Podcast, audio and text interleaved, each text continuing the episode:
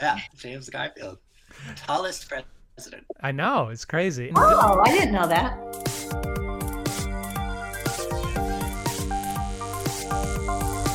Well, I'm not a crook.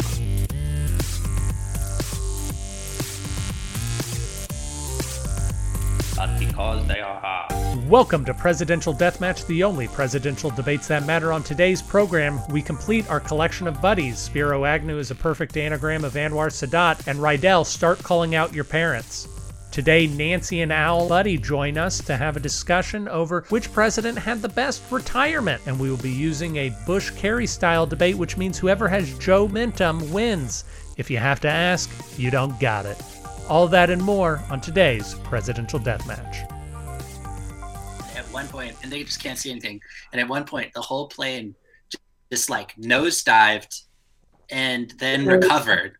And then the and she was like, "Well, that was terrifying." Then she heard the pilot go, "Well, that was a close one." I found out that they like they almost hit another plane, and the pilot like had to like swerve to miss another plane in the air. Terrifying. Oh wow. Well, uh, with that uh, with that harrowing tale, welcome to Presidential Deathmatch, a show about presidents and the debates that love them. I decided to keep it around for a second week. Uh, today we are talking about presidential retirement, and for that we have two very special guests, Alan Nancy Budde. Alan Nancy Budde, how are you doing today? We're doing great. Glad to be here. Thanks for having us. Yeah, very good. Thank you. Oh, wonderful. Uh, now, now, Budde, that's a very familiar last name to me. Uh, are you in any way related to uh, Tyler Budde or Craig Budde or Dennis Budde? Uh, No. previous- no, no, just a coincidence. That makes sense. Yeah. We are, in fact, the parents of same. Yes. Oh, wonderful. You your guest and a frequent voter on the program. Thank you, and we need that. We we certainly need the the voters on the program because they don't always come out in the force that we'd like them to. Uh, but thank you so much for joining us about a conversation about presidential retirement. January has been a oddly historical month for us on the podcast as we've explored the feelings of America towards its new presidents, the inaugurations of presidents, the legacies of presidents, and today we talk about what happens to a a president after he leaves the White House, which a lot of different things, as it turns out. But we will dig into that. Before we do, Dennis, let's go to the polls.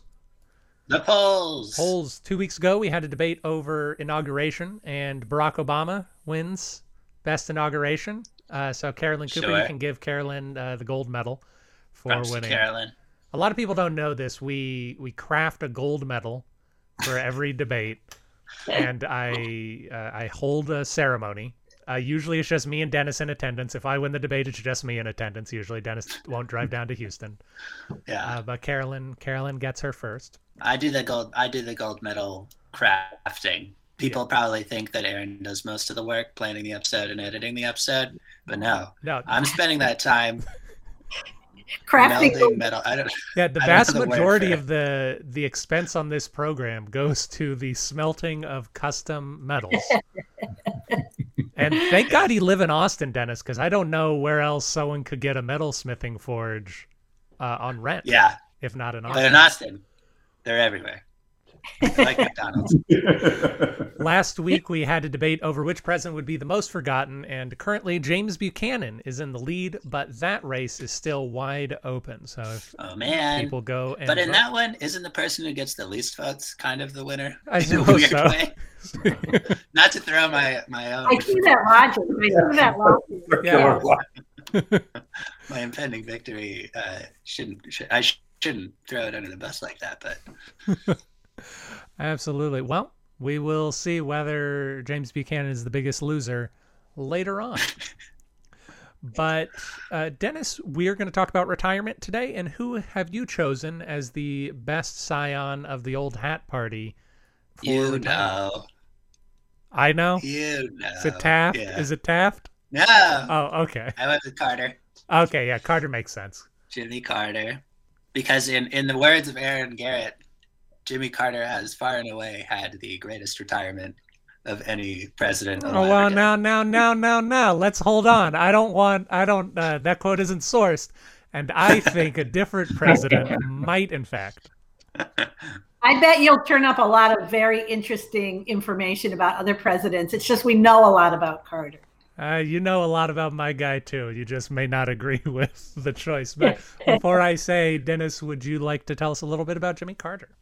Oh, sure. Jimmy Carter was president at the end of the 70s for one term. Uh, I think I covered him fairly recently on the podcast. Um, mm-hmm. But he uh, he had a, a bit of a tumultuous presidency. He was after uh, Nixon and Ford, and people just wanted a nice guy who they felt like was honest and transparent and he really is those things but then there was very much this feeling of him not really being up to the task of the presidency once he was there. A lot of um, crises kind of got worse and and then towards the, that there was an, a bit of an energy crisis and, and other things. And uh, then towards the end of his presidency there was an iran hostage crisis which when reagan was uh, then elected at the Iran hostage crisis ended literally during his inauguration speech. So it was like even Iran was in on this, like yeah. uh, making Carter look bad thing. Uh, so that is one um, of the um, just biggest dick moves in the history of international politics. Is yeah, the Iranians in that particular moment. But yeah, but he was a Democrat, um, and then after his, I just wanted to quickly say that because I hadn't before and then he's from Georgia. And then after his presidency, which I guess I'll talk about a bunch more later, but uh, he's still alive. Uh, 40 years. What his 40 year anniversary of not being a president was just this inauguration. So, uh, mm-hmm. and it was the first inauguration that he missed, but I think it was just because of coronavirus. Yeah. Because he's he's actually known Biden since before he was president, which is pretty insane. and uh, yeah, I think that's my general summary. That, well, that's Jimmy Carter. I, on the other hand, am picking a a different president for best retirement. I'm going to say Richard Nixon had the best retirement uh, oh. of any president. Richard Nixon was the 37th president of the United States. He was elected to two terms, but not serve out those two terms for reasons that are very well known to everyone in the audience, I assume. But he was president from 1969 to August of 1974. He was a congressman, senator from California as well as the vice president of the United States during Eisenhower's administration. So he was the vice president while y'all were born for our guests here today. He was a failed gubernatorial candidate for California. Uh, he had his, he was a lawyer, uh, was ashamed of the fact that he went to Duke University, which I understand. I get it. If I went to Duke, I wouldn't want anyone to know. And I think that his retirement is particularly interesting. I think that Richard Nixon is really one of the fascinating characters in uh, American history. And I hope that you will consider my arguments for him later on. I'm curious to hear what they are because I don't know anything about his retirement. Yeah. Except an island, right? Off of California or something. Yeah. San Clemente. Yeah well, it's uh, it's going to be interesting. I think uh, when whenever y'all question us later on in the program, I would be very interested to know your personal thoughts on the Carter presidency because presumably that's while you were in high school, right? So that would have been around the right. time, yeah. around the time you were beginning to become politically aware. I would imagine potentially. Well, we were kind of like Dennis as far as political at that age. So, yeah, sort of becoming politically aware. But there was a gas uh, crisis that we would hang out in the you know long lines waiting for that kind of stuff. Mm-hmm. And the thing that struck us, I think, most about uh, the presidency was leading up to it. It was who was this guy? My goodness, oh, he was peanut farmer. He was a peanut farmer from Georgia. How does he suddenly get the Democratic nominee for president. And, and we were all like, what? What's this all about? So, yeah, it was straight. And then he won. What's going on? So yeah, even in our um, you know stupor of our high school years, uh, that was a that that kind of got through. Yeah, true that. Yeah, we don't necessarily have the time to get into it, but the the way that Jimmy Carter attained the Democratic nomination is very interesting for our modern political landscape in a lot of ways. Uh, precursors uh, Donald Trump uh, and the way that he sort of uh, gained the nomination later on. But that's potentially for a future conversation because yeah. right now we have to apologize for things we said in the past in retractions. Ah. Retractions. Uh, everyone's favorite, Andrew Stout's favorite segment on the podcast. Potentially, he only reaches retractions and then never never goes past it. but Dennis, do you have anything ret for retractions this week? I just the I don't think so. I think I just had one minor thing, which was today's episode. You earlier said that the month of January has been our presidential uh, themed uh, kind of history of the presidency episode. But for listeners that might be like January, that was forever ago, because uh, it'll be February. That you are correct. It will be Feb- today is the last day of January. It will be February fifth. Fourth. It'll be February fourth. It's not as though we're going to be very deep into February when Yeah. this People, episode. people have no recollection. That's true. They don't. January. Thank you. Thank you I- for the pre-track. I know from a reliable source that Dennis thought today was February. That's so, true. you know, we're already Yeah. there. Yeah. It was deep into the day when I realized it was, it was January 31st. You realized with the shock you had uh, your, couldn't wipe your brow. You dated so many forms. Now you look like a Yeah. fool. I have two small retractions. Of course, last week in our game, we brought up Albert Fall, who was the Secretary of the Interior for Warren Harding and the proprietor of the Teapot Dome scandal. And we sort of brushed over what the tea, Wow. Teapot Dome scandal is, so I thought I would just spend a moment summarizing what it is and why it is important. But before I do that, Dennis, what do you think the Teapot Dome scandal is? Teapot Dome scandal, petroleum situation. Yeah. was, uh, some some under the table dealings to uh, allow for drilling and then just not tell anyone that drilling was happening because it was the 20s so like it wasn't a given that people would just realize that unpermitted drilling was happening i guess so, uh, i guess today that could also happen It's not quite and that. then It's the bribery. Okay, yeah. Right? It's the right, bribery. I was gonna say, really, yeah. money was going money from it was just going somewhere but yeah yes. like that. So it's not necessarily that it was unknown drilling. It was known that the drilling was happening because the Teapot Dome was a naval oil field. It was known for that. uh, But the big thing is that Albert Fall, who was the Secretary of the Interior, was openly accepting bribes. Not really openly, but he was accepting a lot of bribes from oil companies who would then do um, not bid for contracts with the U.S. government, and so they would get highly favorable contracts from the government. The Teapot Dome is in Wyoming. Albert Fall was the first U.S. cabinet member to go to jail for being convicted of crimes. The second one, of course, the Attorney General of my candidate today, Richard Nixon.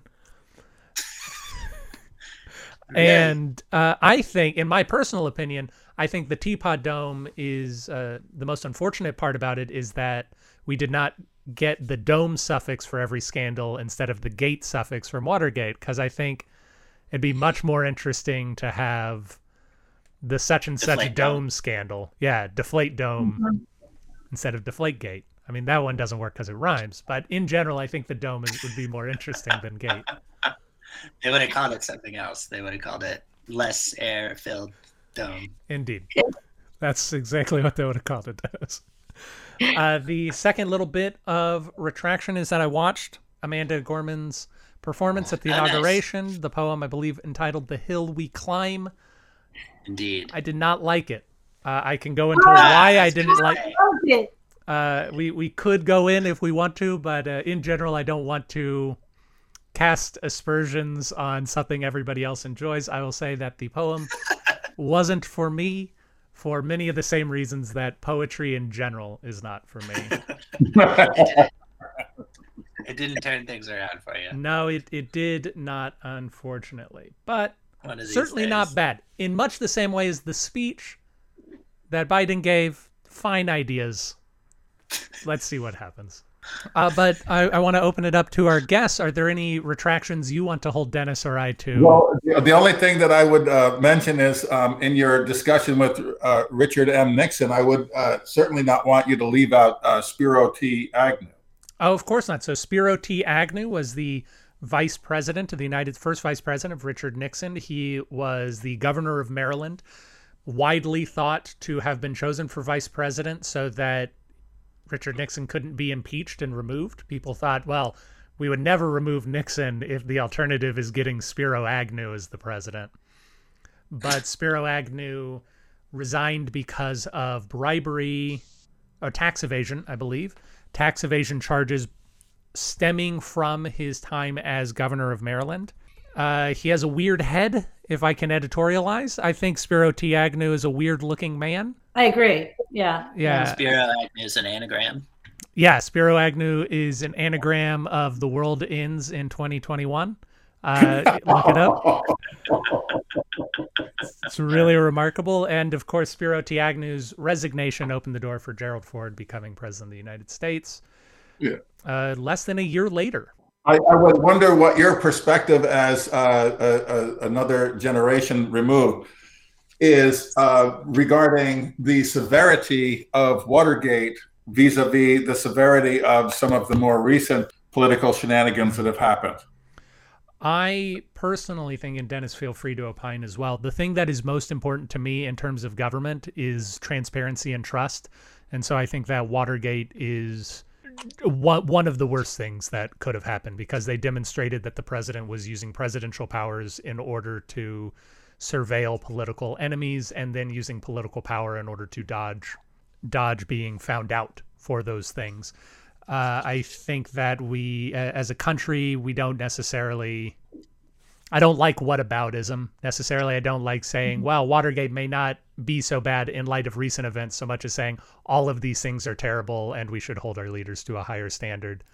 Uh, but, but of course, I think that uh, many actions of the the recent administration rise to similar, if not uh, more egregious, in some ways, actions than than the exact circumstances of Watergate. There's trying to hide something because you think it's wrong, and then there's just doing it because you just don't think it's wrong. And those are two very different, you know, kinds I, of ways of going. I, I think Watergate was such a shocker for us um, when we uh, lived through it because there was no building up to it. There was no precedent.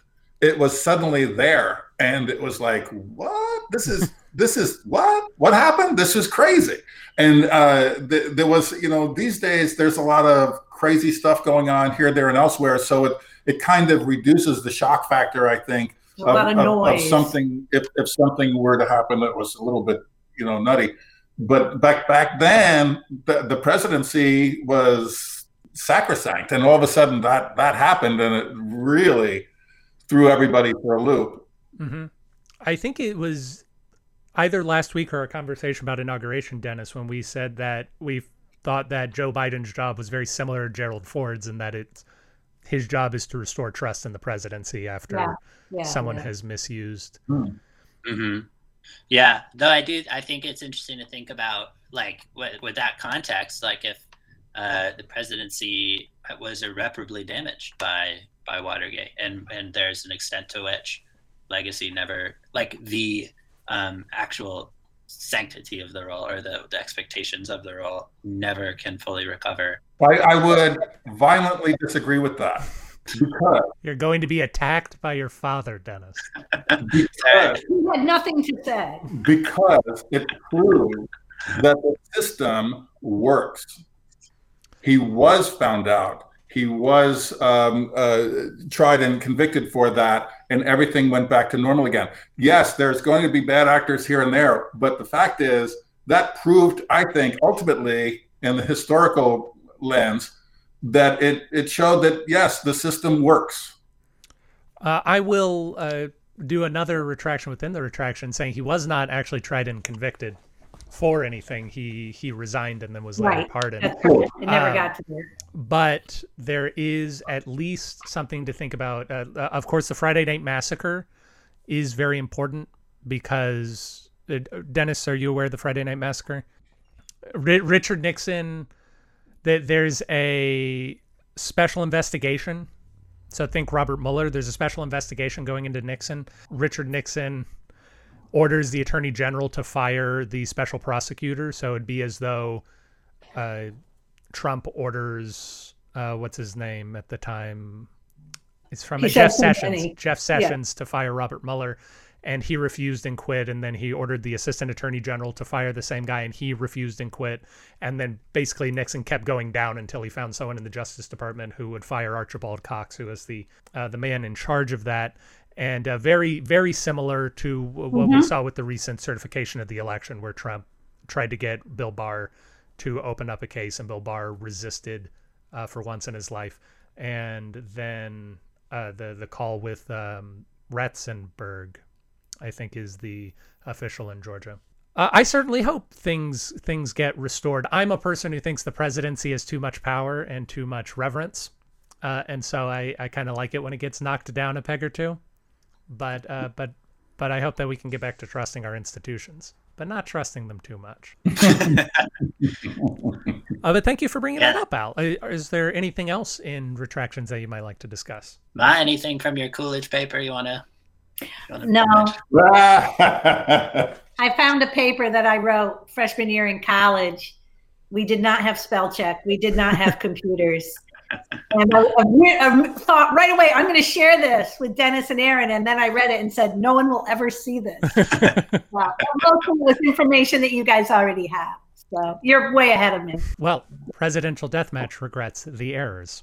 uh, today we are talking about presidential retirement, and we wanted to have the two of you on because you are recently retired. Yes, so you are going through many of the same things that uh, Donald Trump is going through right now, figuring out what this next chapter in your life looks like. Uh, although you pr probably aren't as wanted by the Southern District of New York. I, I don't think. we don't feel a particular affinity with Mr. Trump, but yeah. No, okay. and we get much less media coverage. Yes. Not once you're done on this podcast. Kingmakers, Dennis. But uh, since you are newly retired, what does that feel like? What, how is it different from your day to day life? How, or your previous life? How is it different from what you thought it might be? Well, well, we can read the paper a lot longer in the morning. That's nice. so I was a financial planner and I had my own practice. And so I dealt with retirement with people all the time. And there were people who retired and I re- really respected them and other people who, who retired and I worried about because they didn't seem to be particularly productive or fulfilled afterwards. So I think we came into it maybe with a little bit more background than some people do um, but it has not been a difficult transition for us at all. Um, we, you know, Al writes, so this has given him more time to be a writer. I've been able to pres- to pursue a passion that I've had in historic preservation, mm-hmm. and we've both been volunteering. You know, it's great.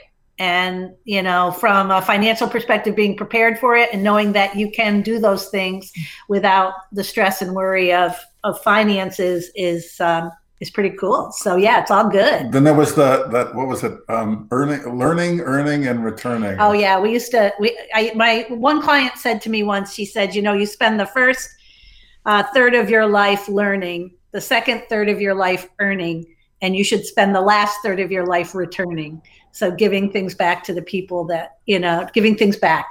Well, in general. sentiment. Yeah. I uh, I there's this article I was reading recently about the this idea that fulfillment for like for me in my job, like going into a career, is to figure out to satisfy four categories.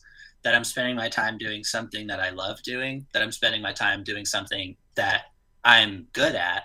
That I'm spending my time doing something I can be compensated for, and that I'm spending my time uh, doing something that uh, creates value for the world. So obviously, the compensated for one, you're kind of liberated from in some ways. So do you feel that the other three still could define a lot of the way that you spend your time now, and that you're kind of free to uh, mix and match with those, or do you think that that's not really a good parallel to to life at this point? I think it's a great parallel. Um, I would say that, you know, as, as people in our 60s looking at y'all, we're looking at people who spend, in our opinion, way too much time working. And not, and so we worry about the rest of the balance with family and and particularly with people who have kids and and that kind of thing. So I think that you know there has to be a balance no matter which which role you're in. And I don't think that the uh, compensation piece is is not is necessarily a slam dunk. I think it's always a process in motion. And when I think about working, you know, at your age and being compensated, I think about fairly compensated, not just compensated, but fairly compensated, because you know, creative people sometimes are not as well compensated as people in corporate. Um, and so I think of that. And then as far as being compensated in retirement, well, you know, they used to talk about a three legged stool with Social Security and savings and and um, you know your pensions, and that you would you know be fine if you had all those things. And it's a very different world now, and it doesn't look like that at all. So I think it's not just being being compensated, knowing that you have the money, but knowing how it is you're gonna get for another 40 years because retirements are 40 45 years now um, which of course didn't used to be the case. So that's that's part of getting comfort and not being scared about the future. I love um, your your four uh, uh, things that you you mentioned. I think the beauty of your generation over ours is that the fourth one wasn't part of our equation and it is now for you guys and i think that's fantastic and to to to be clear, that's the the giving back or the community oriented one, or making you feel like yeah, what you're doing. I think, is... I think the boomers were much more concerned with um, uh, acquisition at all costs and, and and all of that. And um, and I think you guys have really shown so much more about the, the sustainability of everything and uh, and how you're um, making choices, making choices based on grander things than than we did. Yeah, we didn't care about the environment you know, what was the, you know, even my What's mom, the environment done for you lately? yeah.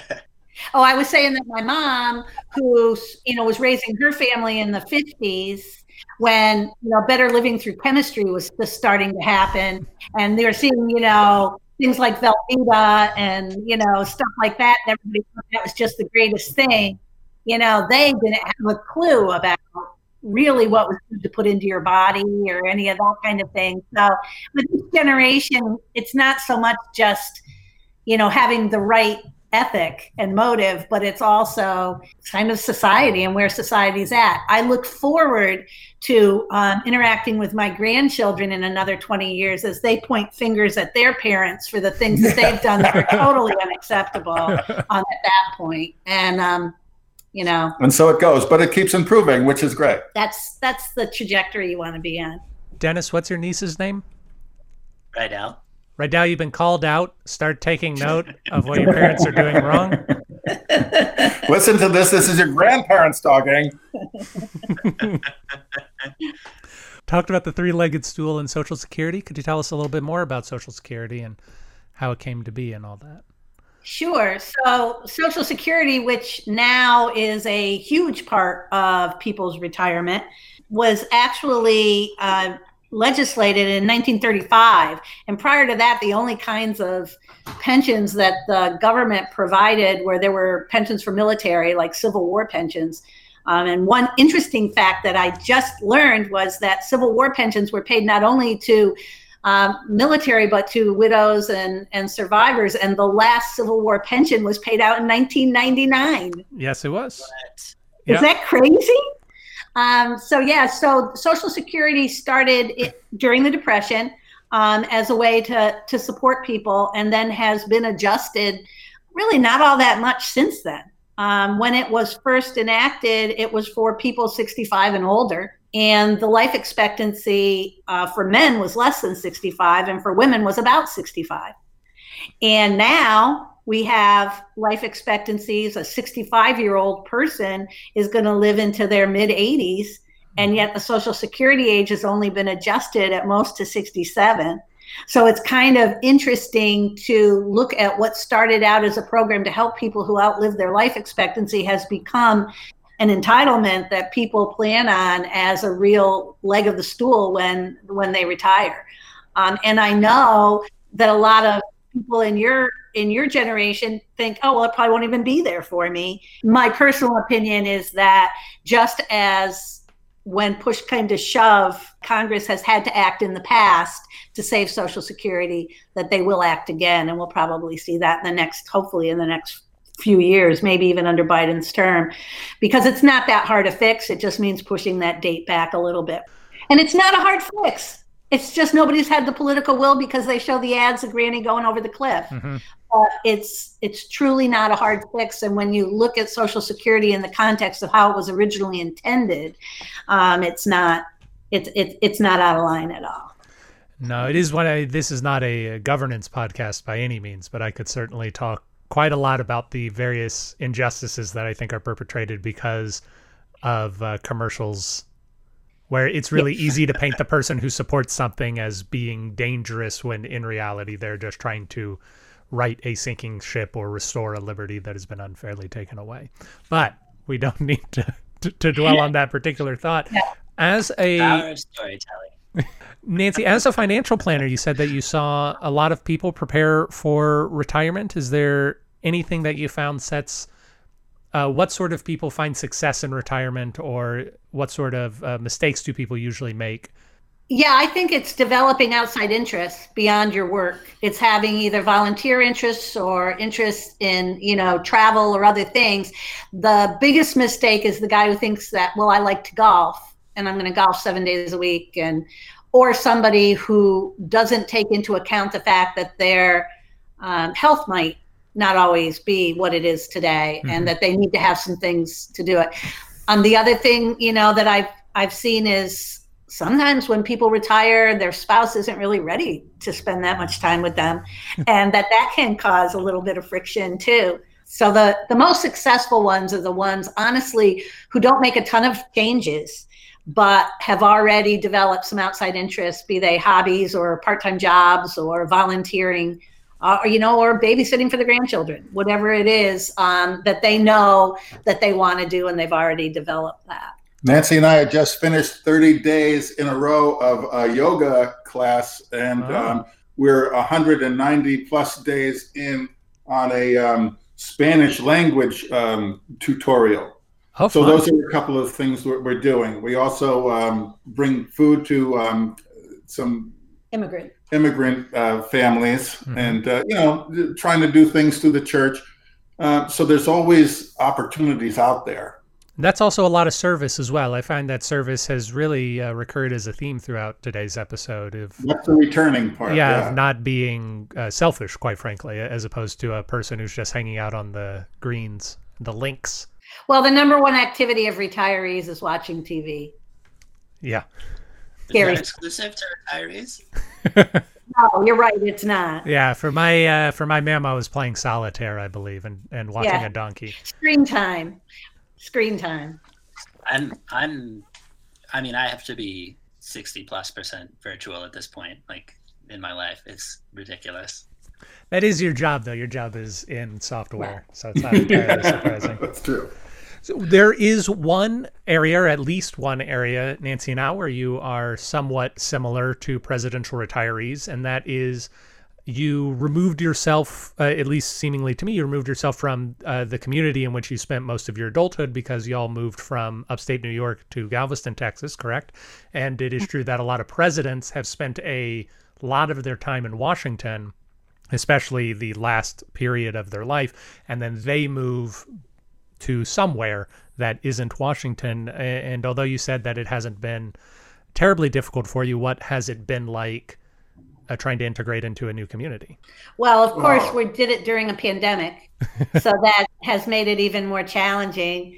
Um, but one of the reasons that we chose Galveston was because the people here were so friendly. I think in some ways, um, it's been easier for us to meet people and get to know people than it was for us to to spend time with people while we were working.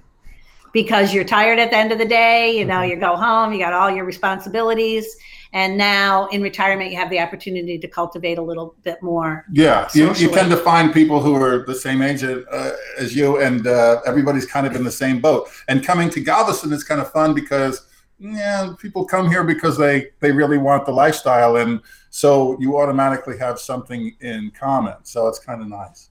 What about the church community side of things? we have always been part of a church community and because of the pandemic we continue to be part of our church community in new york because it's all on zoom and facebook and then the one down here that we got involved with prior to the pandemic we've been able to continue to do service projects and things like that with and we've met a lot of people through that But it's been a, a bit of a shocker because I mean we're New England Presbyterians, and we come down here to Galveston. And uh, the church we chose, you're literally stepping over people holding bottles and paper bags. it's their main service it's a is little home crazy. to the unhoused so we Yeah. uh yeah but that's been great that's been a great It's been growth a big uh, growth area growth for us. area yeah. for us so It's been really amazing. Well, that's wonderful. And a lot of people move from the north to the south when they retire for the weather. So, mm-hmm. you know, you're not alone in that, certainly, uh, when you make a choice to relocate. And a big shout out to our old governor, Andrew Cuomo, for oh, being uh, uh, awarded uh, Realtor of the Year for um, Florida. Florida. I I hadn't heard that. That I, I really enjoy a good good political joke. Uh, that's yeah. that's very funny. uh, before we move on to our game for today, I wanted to say a couple of quick presidential retirement facts and figures for you. The president with the shortest retirement with James K was James K. Polk, uh, three months. He died of dysentery three months after leaving the White House. Chester A. Arthur is one of the uh, the next shortest, I believe, who died within eight months of leaving the White House. The president with the longest retirement, of course, is Jimmy Carter, who Dennis will talk about later. The president, uh, nine presidents have had no retirement because they died in office or are currently in office in the case of Joe Biden. There are three presidents who returned to active government service although many presidents uh, worked with the government in some form or fashion. After their presidency ended, John Quincy Adams was a representative of Massachusetts for 20 years following his presidency, so he continued to run for elections every two years in Massachusetts. Andrew Johnson was appointed as a senator for one year following his presidency. And of course, everyone's favorite John Tyler uh, was elected to the Confederate House of Representatives. Uh, I don't believe he served because I think he died, but he was at least planning to return to work in the legislature. Were there more that wanted to, but were not successful in returning to public service? There was nobody who, as far as I can tell, lost an election. I know that Herbert Hoover was offered a Senate seat and he rejected it. Of course, William Taft was appointed to the Supreme Court, so actually he should be the the fourth. I, I was mistaken when I said three. William Taft, Howard Taft was number four, and then there were a few other presidents who off and on were said that they should stand for Senate, but they tended to turn it down for one reason or another. Usually, a lot of presidents, not all presidents, but a lot of presidents are concerned with the austerity of the job and they don't want to be seen as uh, doing something untoward. This we've spoken about Millard Fillmore pretty frequently, who didn't want to hold a job exactly uh, for a very long time because he felt it was beneath the dignity of his office. A lot of presidents have thought that they can do more good being a somewhat nonpartisan figure instead of returning to partisan politics by becoming uh, an elected official again. And right. to tie in to what you said, Nancy, about how the government didn't offer a lot of pensions, it wasn't until the 1950s that the U.S. government offered a pension for former presidents. Up until then, presidents had to take care of themselves after they left office. And it was thought that they established the pension program because of the destitution of Harry Truman. Or Ulysses S. Grant. He was really poor. He was. A he shocking, was. shocking number of presidents returned home after the presidency to failed farms yes. or failed family businesses. Tons. And in Grant's case, he got swindled because right. his son was getting conned mm -hmm. on top of a number of other things. It's very odd. It's very suspicious to me. Like the number well, of presidents. not a businessman. I mean, that's he made some bad choices as well. So yeah. Wasn't yeah. Teddy Roosevelt also uh, bamboozled? He certainly wasn't poor. I no, I, I think yeah. he I think he was scammed, but not into destitution in such yeah. the way that Grant was. I think Dennis that basically you're leaving the management of your farm to someone who doesn't know how to manage it. You've been managing your farm for your entire adult life and then you go off for 4 to 8 years and you return and it is the standards have not been kept up. Mm. And the what a lot of people don't realize is that the president has to personally pay for a lot of things while he is in office. He has to pay for all of the food that he eats, for instance. So, yes, he has a private chef, and that chef is employed by the government. but the president himself has to pay for all those groceries, and that can get kind of ridiculous. The president has to I pay. didn't know I did not know that. The president has to pay for the fuel on Air Force One. Really? Yes, uh, if it is not being used for a state function, he has to pay for the fuel on Air Force One. There are a number of office positions. If the president has a personal secretary, the president has to pay for that as well. The government does set aside a, a small annual fund for personnel, but it is not nearly enough to cover all of the Huh. people. So most of the time, the president is covering other people's salary out of his own salary. The one I was, I was asking about people being involved in uh, political life afterwards because right now in present day we're we're uh, looking for the right word worried concerned interested in whether um, Trump will try to come back and perhaps a different party or something like that. Mhm, and um, I know that past presidents have done that but mhm. maybe in the 1800s it was more common for these new parties to to sort of pop up and so forth it's interesting to me like i think fillmore did that he, He did. came back with the know nothing party which is such an awesome name and um, you know to to kind of take a stand about a particular issue or something and to start a new party and you know i guess i'm wondering are we going to see that again and what kind of precedent is there for it not that any of them have been successful Yeah, Yeah. there's a lot of precedent precedent for them for presidents failing miserably to start a new party. Teddy Yeah. Roosevelt, the Bull Moose Party, Martin Van Buren, the Free Soil Party as Mhm. well, right? Yes. And then plenty of other presidents who looked into it but chose not to. John Tyler and Andrew Johnson among them, both heavily considered running again, but but ultimately decided not to. Well, we have a little bit of time for our game today. And Do And do do do do the game segment song. ba, ba, ba. Nancy, now you probably know that we've been exploring the highest position of each state. How far up the federal ladder has a person from each state gotten? We looked at the Secretary of the Interior and the Attorney General in our previous two iterations of this game. Today, we are taking a look at a person who is very early on in the presidential line of succession, but essentially has no real power within our government structure as it stands, and that is the president pro tempore of the Senate. And mm-hmm. to give you an idea, the president pro tempore was set up to be an analogous position to the Speaker of the House in the House of Representatives. However, for a variety of reasons, the power that is now vested in the Speaker of the House, instead of staying with the president pro tempore, moved to the majority leader of each party. And now the president pro tempore is generally just the longest serving member of whichever party is currently in power. And that person has a number of constitutional duties. Notably, they are notified if the 25th Amendment is invoked, and they are fourth in the line of presidential succession. And they rule, they are supposed to rule on points of order in the Senate when the vice president is not present. However, for the most part, neither of them do that. right There are three states for whom the highest level of government service has been the president pro tempore, and your job is to figure out which three states those are.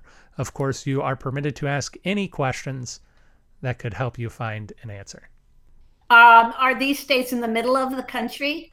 None of these states are in the middle of the country, or what I would consider What- the middle of the country. So, and last time, what did we hit last time? Florida It and Oregon. um, Florida and Oregon. yes.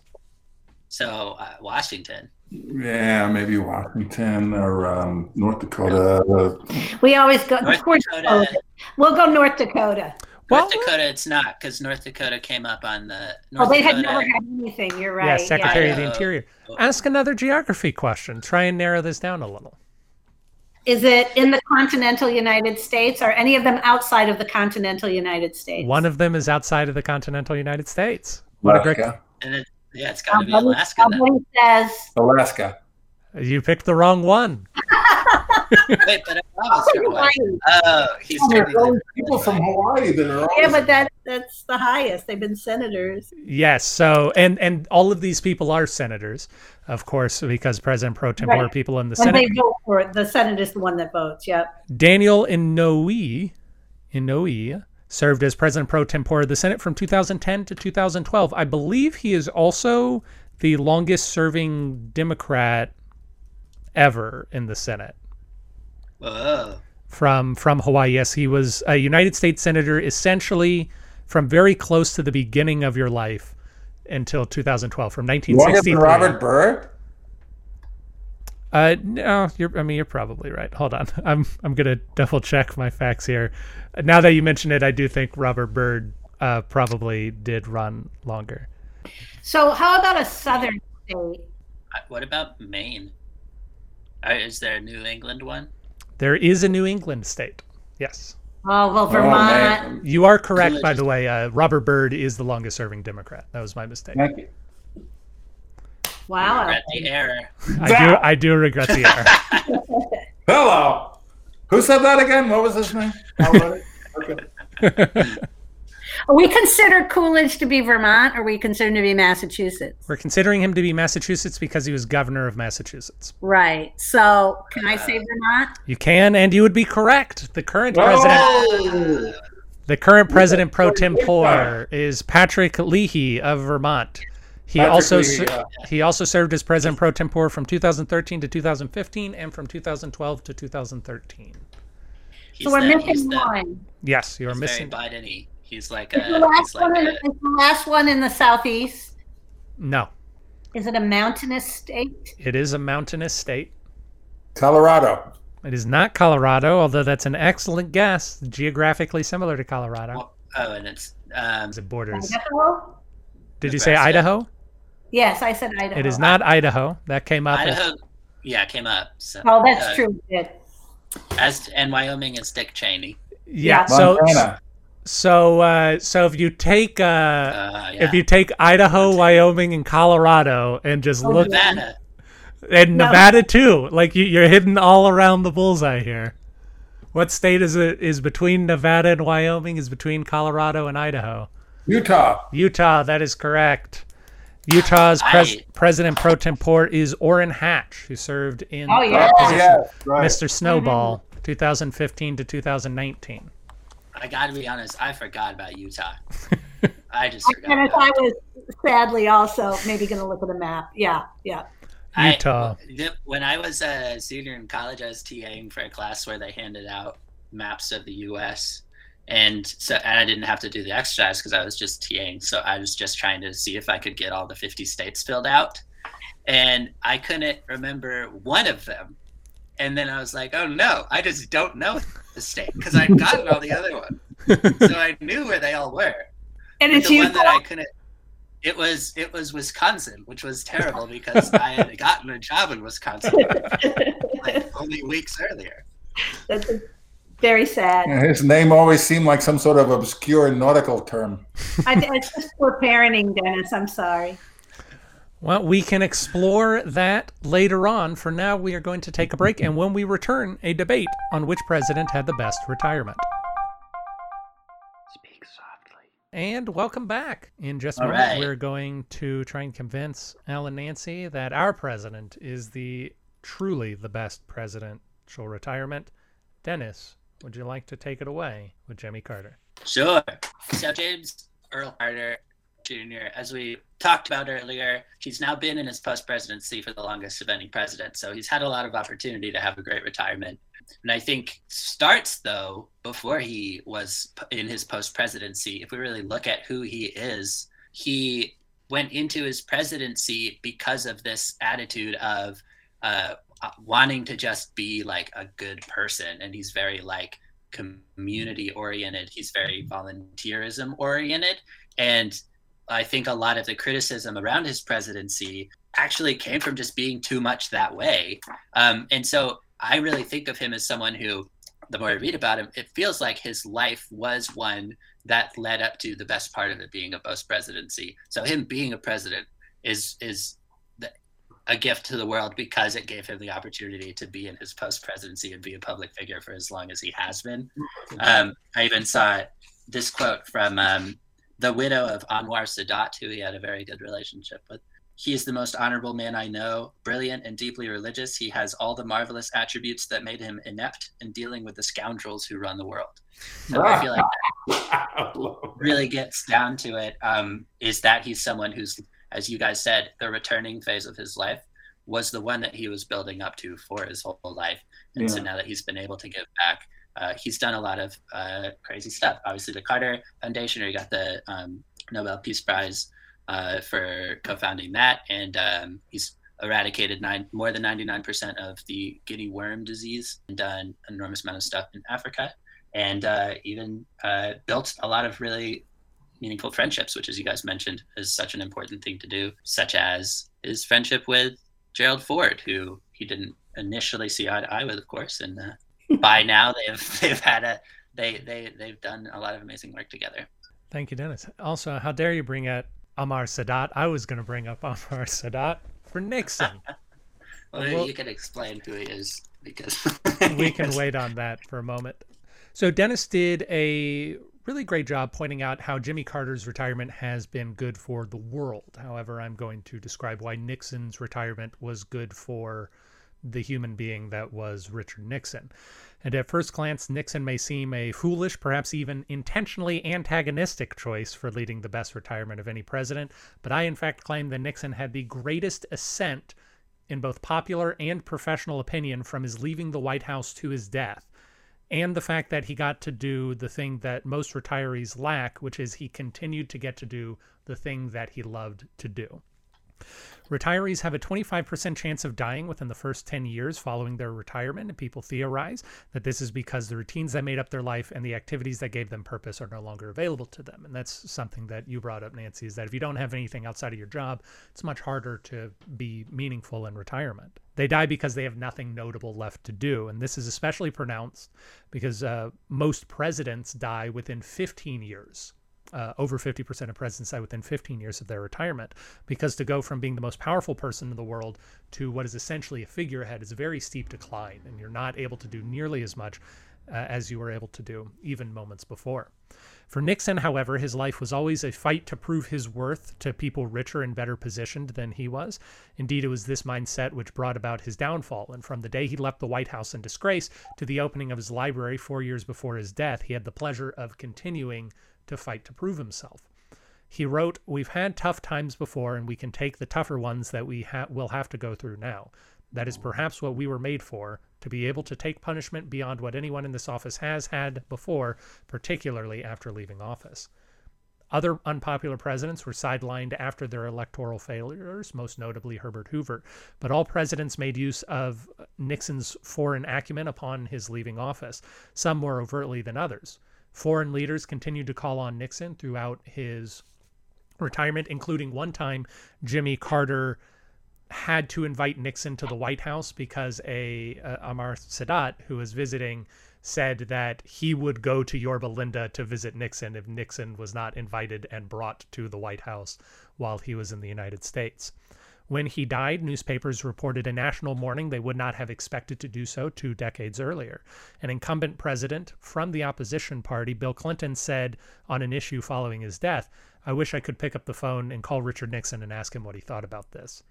At ah. the end of his life, he had proved what he knew all along that he was indispensable to America. He had the privilege to have a mission to accomplish with his final years on the planet, and if he didn't win the love of the people by his death, that's no big loss because America is too shallow to love a person like Nixon in general. In retirement, he got to do what he loved, provide counsel, fight for himself, and know that he was right. And what more could anyone want from retirement than that? So you mentioned his mission how could how would you encapsulate that? And Dennis would ask you the same thing about Carter. What in a in just a couple of sentences would you say their specific retirement mission was? I would say that Nixon's mission was to prove that Watergate was not the only thing that he did, in fact, hardly even an important thing that he did, and that his political knowledge of America and of the world was too valuable to ignore. So it was a mission to redefine himself personally and politically. Yes, and to redeem himself. Redeem himself and redefine himself. Dennis? So Carter, he he left the presidency like a little bit disgraced. he goes back to his peanut farm, and he was concerned about um, seeming like he had any hand in his peanut farm while he was president. So he was completely closed off all financials. And he opens up the books when he gets back, and like many before him, the peanut farm has fallen into complete, like, enormous debt and mismanagement while he was away. Um, and he decides that that's just not going to be what he does with his retirement. Of course, the more modern presidents um, have like a lot of kind of like easy wealth and pension and everything and can speak and then and all the rest um, to make money. So I think from that moment, he kind of realized that he should try to dedicate um, his life to uh, trying to improve the world as a public figure, particularly in Africa. Um, he felt that he could make a big difference uh, in developing nations there and in stopping disease and uh, trying to control disease and use technology to improve agriculture in Africa um, and to use his sway as a former president, as a public figure, and as someone with resources uh, to, to, do those things. So I think I think that answers the question. Basically, to uh, not to prove himself really, or to prove his worth through action, but really just to act with what he was given. To use his position to serve. Yeah. Yeah. Yeah. How much were each of them involved in their presidential libraries and in writing and speaking in their retirement? Do you know?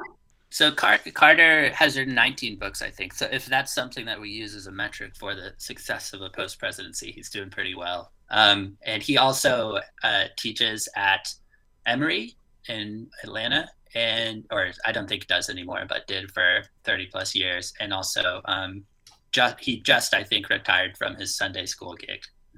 Yeah, that's true. I did read that. Yeah.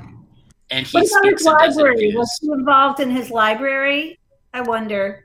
He he was. We can potentially talk about presidential libraries at another date if you'd like, Dennis. But presidents need to be involved in their library for them to exist, at least in some form or fashion.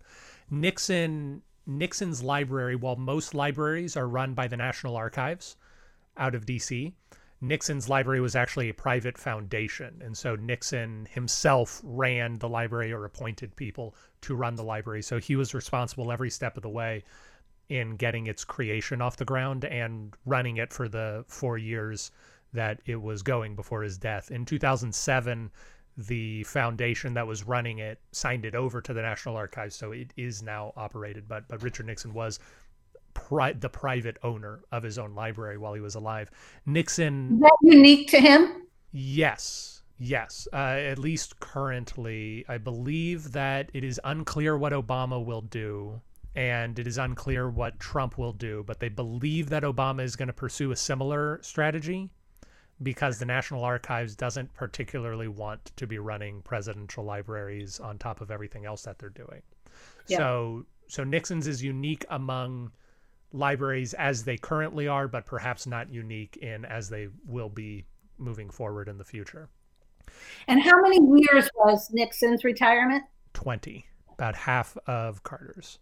It is interesting talking about the two of them in tandem, though, because uh, it's. I feel like in some ways, um, and I'm sure this was the case for all presidents, but Carter was able to see kind of Nixon's actions and stuff and kind of that was like part of this constructed blueprint from people who came before. But they both had such an interest in foreign affairs mm-hmm. and uh and global policy. Um and then yeah and carter also just really threw himself into the the library right after his uh presidency before doing a bunch of this other stuff. Um but yeah. Also i think it's interesting that since they were in the same time frame the you know some of the issues of the world um, you know we were really shifting with regard to foreign affairs and those kinds of things during that time. And so they both had a lot to offer there. You take a look at you know clinton and um, gw bush and you see them doing a lot of outreach um, you know internationally to you know haiti or wherever you know that they were able to fundraise for um, kind of a different time Mm-hmm. Yeah, a lot more speaking and a lot more you know, speaking um, engagements and income from that source as well. I think that also speaks to the personal talents of those presidents. Neither Richard Nixon or Jimmy Carter are particularly known for their charisma or their desire to engage in the personal aspects of politics, whereas that is the major skill of both Clinton and Bush is their personability. I think that's an excellent point. Yeah, yeah. Yeah, I was thinking about um, when you think of President Carter, you think of President Carter. When you think of President Nixon, you think of John Mitchell, John Dean, Haldeman, Ehrlichman, Spiro Agnew, um, Kissinger. I mean, the list goes on and on, uh, and it's and it's a very interesting thing. But if you were to just focus not so much on the negative side, if for the sake of argument, but on the positive side, you would have to look at Henry Kissinger as, uh, I think, um, the the greatest um, State Department uh, figurehead ever, and um, what they did with uh, the whole China thing, you know, the the ping pong diplomacy and all of that, and it was really uh, quite astonishing and, and very very good. And I think that was overshadowed over the years uh, because of all of the Watergate crap. But um, and Henry Kissinger is still around. He's still talking. He's still, you know, you can still read articles about this guy, and it's just amazing. Um, so in, in, in the context uh, that presidential death match takes of uh, looking at presidents um, and their histories and their contributions, I'm, I'm just wondering where you guys fall on something like that. On something like longevity or something on the players. How much how much of the people that surround the president right. are part of who the president is? Right. Mm. How much does that contribute to the mm presidency itself? Mm -hmm. Yeah, and it can really. I feel like it's so hard to sometimes uh, eke it out too, because I think that sometimes there's a president who you look at and it's like, oh, they were on their own. Like they they had very little support. They didn't get along with the cabinet. They didn't get along with the government exactly. things like that. Yeah. The Carter other times, in particular. Right. And yeah, there's been other presidents who have who have just really picked up a posse of people that they um, well, I think Reagan is often remembered for being someone who elevated his cabinet um, to allow them to really have the influence that they were qualified to have. Um, at least that's my understanding from this podcast, the conversations we have had. Yes, I, I might at first say that this particular debate is on retirement and so for the purposes of this conversation i don't know that that they have much bearing on it but i would say that in a harry truman the buck stops here way that the people you appoint to positions do very much reflect on you. And because they are in in many ways extensions of your own will especially as since Woodrow Wilson, we have seen a ballooning of the executive branch, not a ballooning of not only the federal government, but also the executive branch of the federal government at the expense of the legislative branch. That these cabinet heads are as much important as the president themselves. And since the president has the ability to nominate and to fire them, that that is meaningful and a fairly mean, uh, yeah I, I think the other piece is that if part of the president's persona when he leaves office like nixon is while he was really good in foreign affairs but a lot of that comes out of the people that he had working with him and then he goes on and and is continues to be involved with foreign affairs and those kinds of things. You wonder a little bit about how um, that still works when you don't have the same posse traveling with you in retirement. But it's the, you know, that who knows. I think it is interesting that Nixon's main focus was on personal redemption.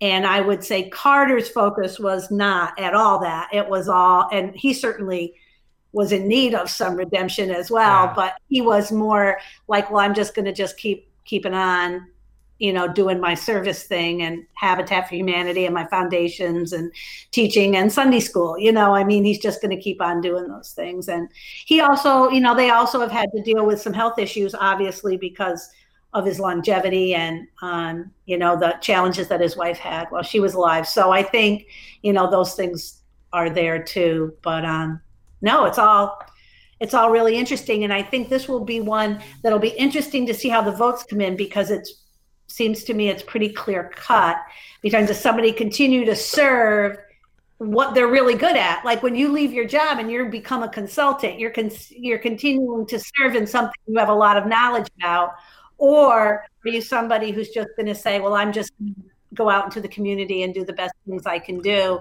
with the influence that I have." Two kind of different tracks.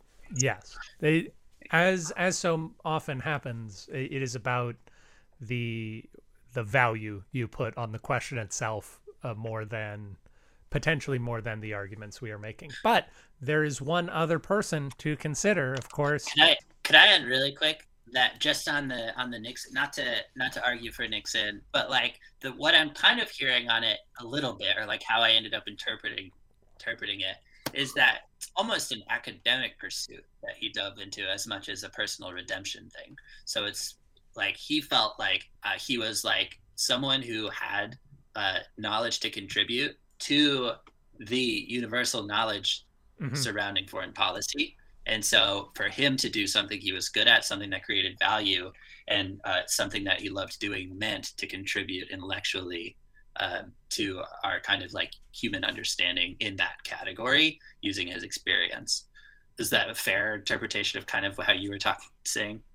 I, I think so. I, I would say that Nixon saw his value, and certainly his successors saw his value as his uh, foreign experience acumen, and he bore that out. In case anybody has interest in exploring this topic a little more, there are two books published after Nixon's death by Monica Crowley, who was an assistant to him in his final years, that are very colloquial. It was April 1992, and Nixon and I were doing this, and he had this to say. And it's just really fascinating, sort of what he was walking around and thinking about and opining on during his hmm. final three years on this earth. Interesting. Yeah. So who's our other person? Our other person, the People's Party, has, after a long deliberation, chosen Andrew Johnson. Ah. Oddly enough, as presidential retirement, someone with a pretty short presidential retirement, all things really? considered. Uh, I think the biggest thing that he did was he returned to the Senate. He got this was before senators were elected. This is when state legislatures appointed senators, but he was chosen by the legislature of Tennessee to represent Tennessee in the Senate. I think that's about all he did. I'm sure he talked. I think he was. How long did he live there, though? How long did he live after he got out of the Senate? Well, he didn't. So, so he got appointed to the Senate, and he was at the Senate for a year or so, and then he died six years. Uh, six years was his uh, retirement time. Okay. So kind of hung out in Tennessee, ran for office a little bit in, in Tennessee. Mm -hmm. And what year was this? This was 1875. Yeah, well, nobody lived very long back then. Anyway. Yeah, it's so hard to compare people because really people just worked and died. Yeah, they just you know, and, and prior to the real industrial revolution. Yeah, he he was always a Tennessee man, like, and even an Eastern Tennessee man. He was like a public figure in Eastern Tennessee and a speaker. And then Lincoln was like, "You'd be strategic," and uh, had him be his vice president. Then he kind of becomes president out of nowhere when Lincoln's assassinated. He's still just a Tennessee man, so right. he ends up being disliked by everybody in D.C. and and um, gets impeached and leaves and is like, "Well, I hated all that anyway." Goes back to Tennessee and just tries to be part of the government there and uh, fails a bunch of times and then dies cholera. Yeah. Mm. So, so why did the People's Party? Yeah, why why? well, of course, we we don't know the mind of random.org slash lists, the manager of the People's Party. I'm surprised that they they put up Washington last week instead of this week. Yeah, it's well, it's every essay um, that's worth its name um, ends with a kicker, which is um, what would be the future. What worries me here is if we were talking about presidents and their um, retirement, um, I would put Trump up as the kicker, and uh, we need to uh, be vigilant. We, we, need to consider. Oh, do you want us to opine on what we think Trump's retirement will I, look like? It's wide open. How many more bankruptcies do we think we'll see from him? That, oh. that could be quite the uh, yeah, answer to this uh, no. Selection. At this point, he can have a political action committee fund him for the rest of his life. So I, I don't know that we'll be seeing many more bankruptcies from him. I assume I assume that uh, he won't get convicted by the Senate in his upcoming impeachment trial. I assume that the Southern District of New York is not going to particularly proceed with a lot of suits against him and that we will see those dropped in coming in the coming months. I imagine that he will not run in uh, either 2022 for anything or in 2024 for anything and I think uh, he will become much like many former presidents a person uh, that the party looks to for advice and who people look to for endorsement. Uh, there is, of course, a part uh, a battle brewing in the Republican Party right now. We will see which way the wind blows on that, and that will largely determine Trump's place in the future. But I assume that we're going to see Trump be a figure very much like Eisenhower, but perhaps without the intelligence, grace, character, or decorum. Yeah. Yeah, it's an interesting. I'm really conflicted uh, about what I would expect because on the one hand, the something I remember vividly is that when he was so four years ago, like ish, almost exactly, he was brand new to the job, and he was like, "Yeah, this is like not fun. Like I do not like this job." Yeah, and it was like, "Of course you don't like the job," and so I feel like it now that he can be funded as a post president why would he run it? But he already yeah. said he's going to run again. So now I'm conflicted. I don't know. Well, I don't know why he would. You say you're going to run again so that your political power doesn't continue to evaporate. And also, his relationship with money and with financing is not one of dependency. He's never ever had to worry about it. So he's not in a position where thinking, oh, well, I'll make more money if I do it this way. He believes he can make money anyway, and so he's he's not going to be, I don't think, at all concerned about about necessarily, you know, the PACs and and where it comes from. But right. it's an interesting. It is an interesting to think about. It's also interesting to think about Obama, who finished his presidency at 55. Mm-hmm. So if he lives to 100, which is totally likely, you know, you know that's that's a yeah, that's huge, a lot. Yeah retirement. That's an awful lot of to, books to do things. So um, that is an awful lot of books. Twenty-five, Although, if he follows the with, Carter model. With, but with the length of the books he, he writes, maybe it's like four. uh, yeah, it, it appears as though Obama, at least for the the current amount of time, is going full media personality. Yeah. He's yeah. got his podcast, he's got his TV show, he's got his books. Al, what do you think will happen? Uh, since well, I, I was just uh, going to play off of what you just said. I mean, in these days, um, the the whole media personality thing uh, almost takes precedent. So why on earth would somebody go back through the whole political uh, falderall if they can comfortably retire and write books and have movies and, and do you know speaking engagements that make them millions and millions of dollars i mean uh, what's what's the point of One serving word. so much anymore and which also is a circular way around of saying well, that's a real good reason to get into politics in the first place. One word ego. Yes. Although, if you can get to where you're president, you could probably. If you if you feel that you are someone who has the ability to become a public figure of such uh, notoriety that you can live off of that fame, then there might be easier ways to do it than the presidency, the in and of itself. I, though I do feel like if senators had that much notoriety and had more incentive to retire when they stopped liking their job, maybe that would be progress. I don't know. Well, the, the, the fear is that that's what's driving people to go into public service in the first place, which is exactly the opposite of what uh, it was supposed to be in the beginning. And right. man, and that's, that's why so many of them ended up destitute, is because they did it for very different reasons than people might be becoming lifelong exactly. politicians yeah. today. That's old people bias. I mean, the more I learn about modern politics, the more I'm so excited about um, the forefathers and their Federalist Papers and, and what they said and the way they laid it all out. I mean, it was like, man, those guys foresaw everything, it seems like. I I am a big fan of the Federalist Papers myself as well. I I like the system of government that was set out in 1787 and wish in some way we could get get back to it. Those guys were so smart. I mean, they all spoke Latin. I mean, they spoke several different languages. They were they were very. I mean, they were polymaths. I mean, all of them. And it was just amazing. Well, we don't want to go too far down this road, both because we're yeah. at the end of our time together, uh, and because uh, it it potentially is an area of more fruitful discussion later on down the road. But there was a really interesting article that I read this week that said one of the primary things that is different about now and then is that back then debate was very big. Like they would they would openly debate all of these things and in an iron sharpens iron kind of way they would make their ideas better because they ultimately argued them whereas mm -hmm. these days the goal is to get reelected and everyone wants to get reelected and the biggest way to risk your reelection is to say something stupid so nobody wants to encourage debate. Mm.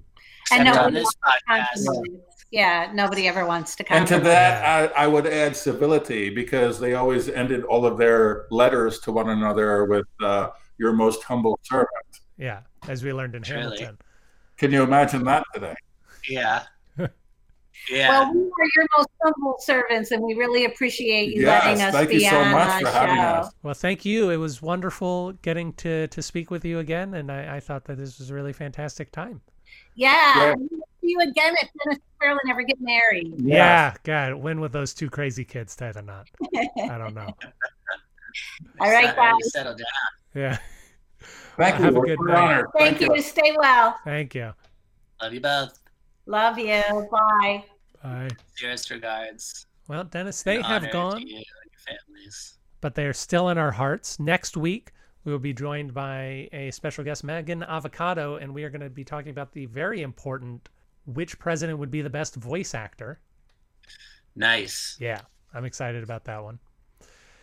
Avocado. Avocado, yeah. Yeah. Give a name. Uh, a married name, I believe. Chosen. But real name, real name. Until then, everyone, have a fantastic life.